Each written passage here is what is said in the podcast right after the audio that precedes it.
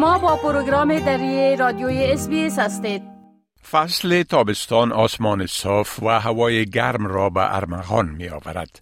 برای بسیاری این تغییر پس از تحمل ماهای سردتر است. اما تابستان در استرالیا می تواند به سرعت به گرمای سوزان و شرایط خشک تبدیل شود.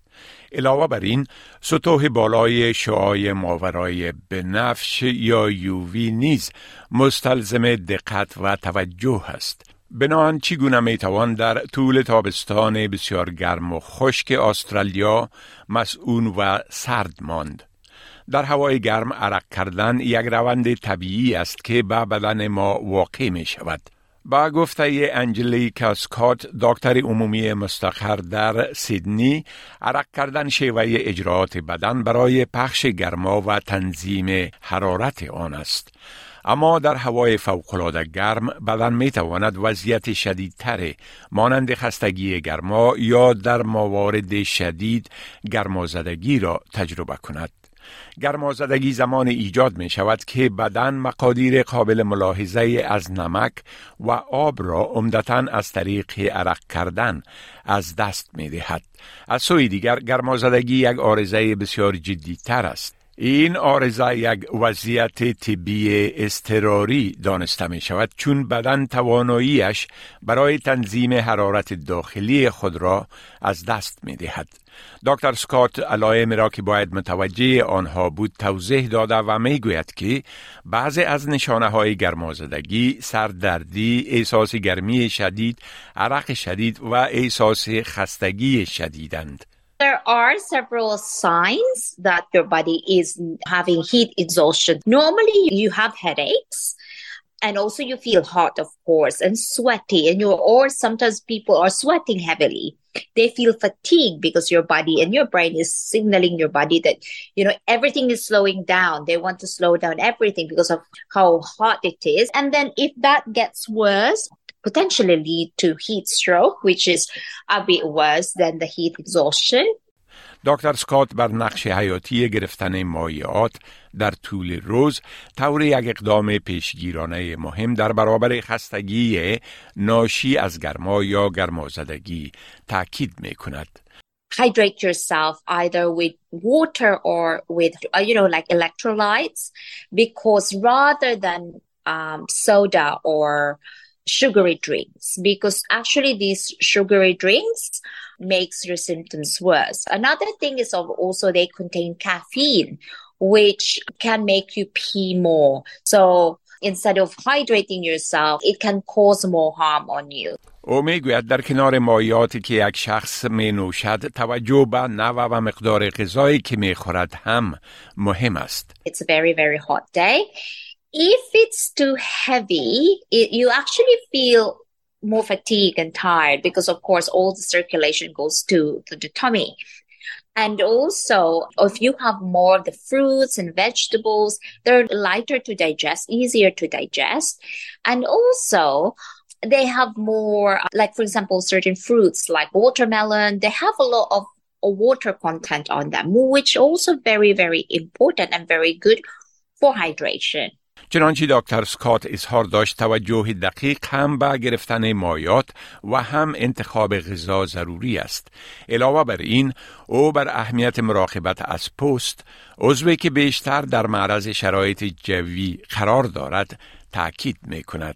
دکتر سکات علاوه بر توصیه پوشیدن لباس های سبک و پناه گرفتن در جای سرپوشیده یا در محلات سایدار رهنمایی های را در مورد استعمال مناسب مواد و کریم های SPF یا عامل محافظت از آفتاب فراهم می کند. SPF اثر یک کریم ضد آفتاب را در محافظت پوست از آفتاب سوختگی اندازه گیری می کند.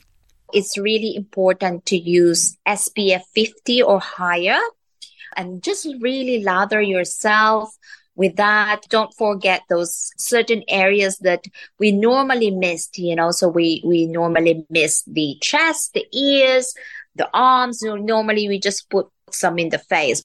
پروفسور ان کاست رئیس کمیته ملی سرطان پوست شورای سرطان ضرورت استفاده از مواد ضد آفتاب را به خاطر موجودیت اشعه شدید ماورای بنفش یا یووی در استرالیا تکرار می کند. شعای ماورای بنفش یک نوع از انرژی نشأت کرده از آفتاب را تشکیل می دهد. او می گوید که قرار گرفتن در معرض میزان بلند شعای ماورای بنفش برای مدت طولانی عامل اصلی سرطان پوست است. We get much more intense UV radiation exposure in Australia, which which we think explains why the rates of skin cancer are the highest in Australia and New Zealand. They're almost double what they are in, in Europe. پروفسور کاست توضیح می دهد که شعای ماورای بنفش در استرالیا می تواند به چی میزان بلند برود. Most places in Australia have a UV index that peaks at around 12 to 14 in the summer months, whereas in southern parts of Europe, sort of around the Mediterranean, it only gets up to about a UV index of about 8.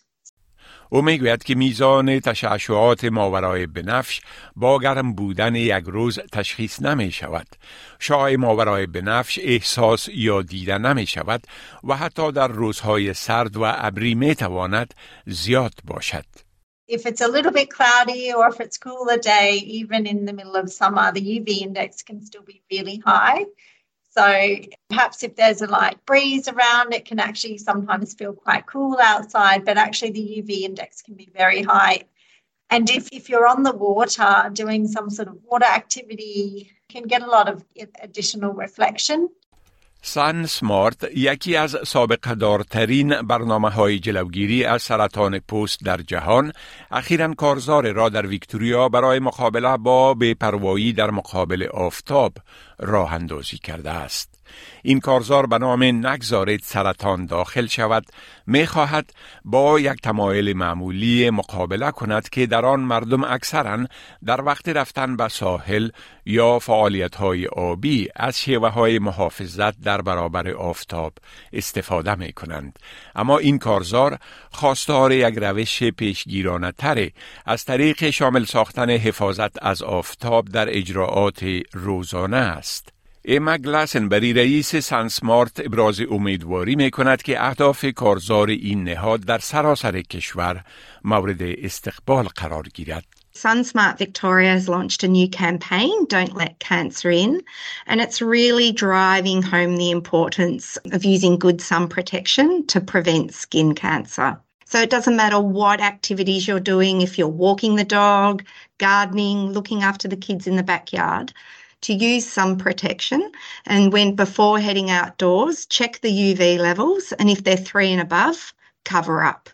خانم گلاسنبری تاکید می کند که مردم می توانند به راحتی میزان شعای ماورای بنفش یا یووی موجود در مجاورت خود را قبل از بیرون رفتن معلوم کنند. او توضیح می دهد که با دانلود کردن سان سمارت گلوبال یو وی اپ به این معلومات دسترسی پیدا کرده می توانیم. So UV levels or sun protection times can usually be found on any weather forecast information. You can also download the SunSmart Global UV app.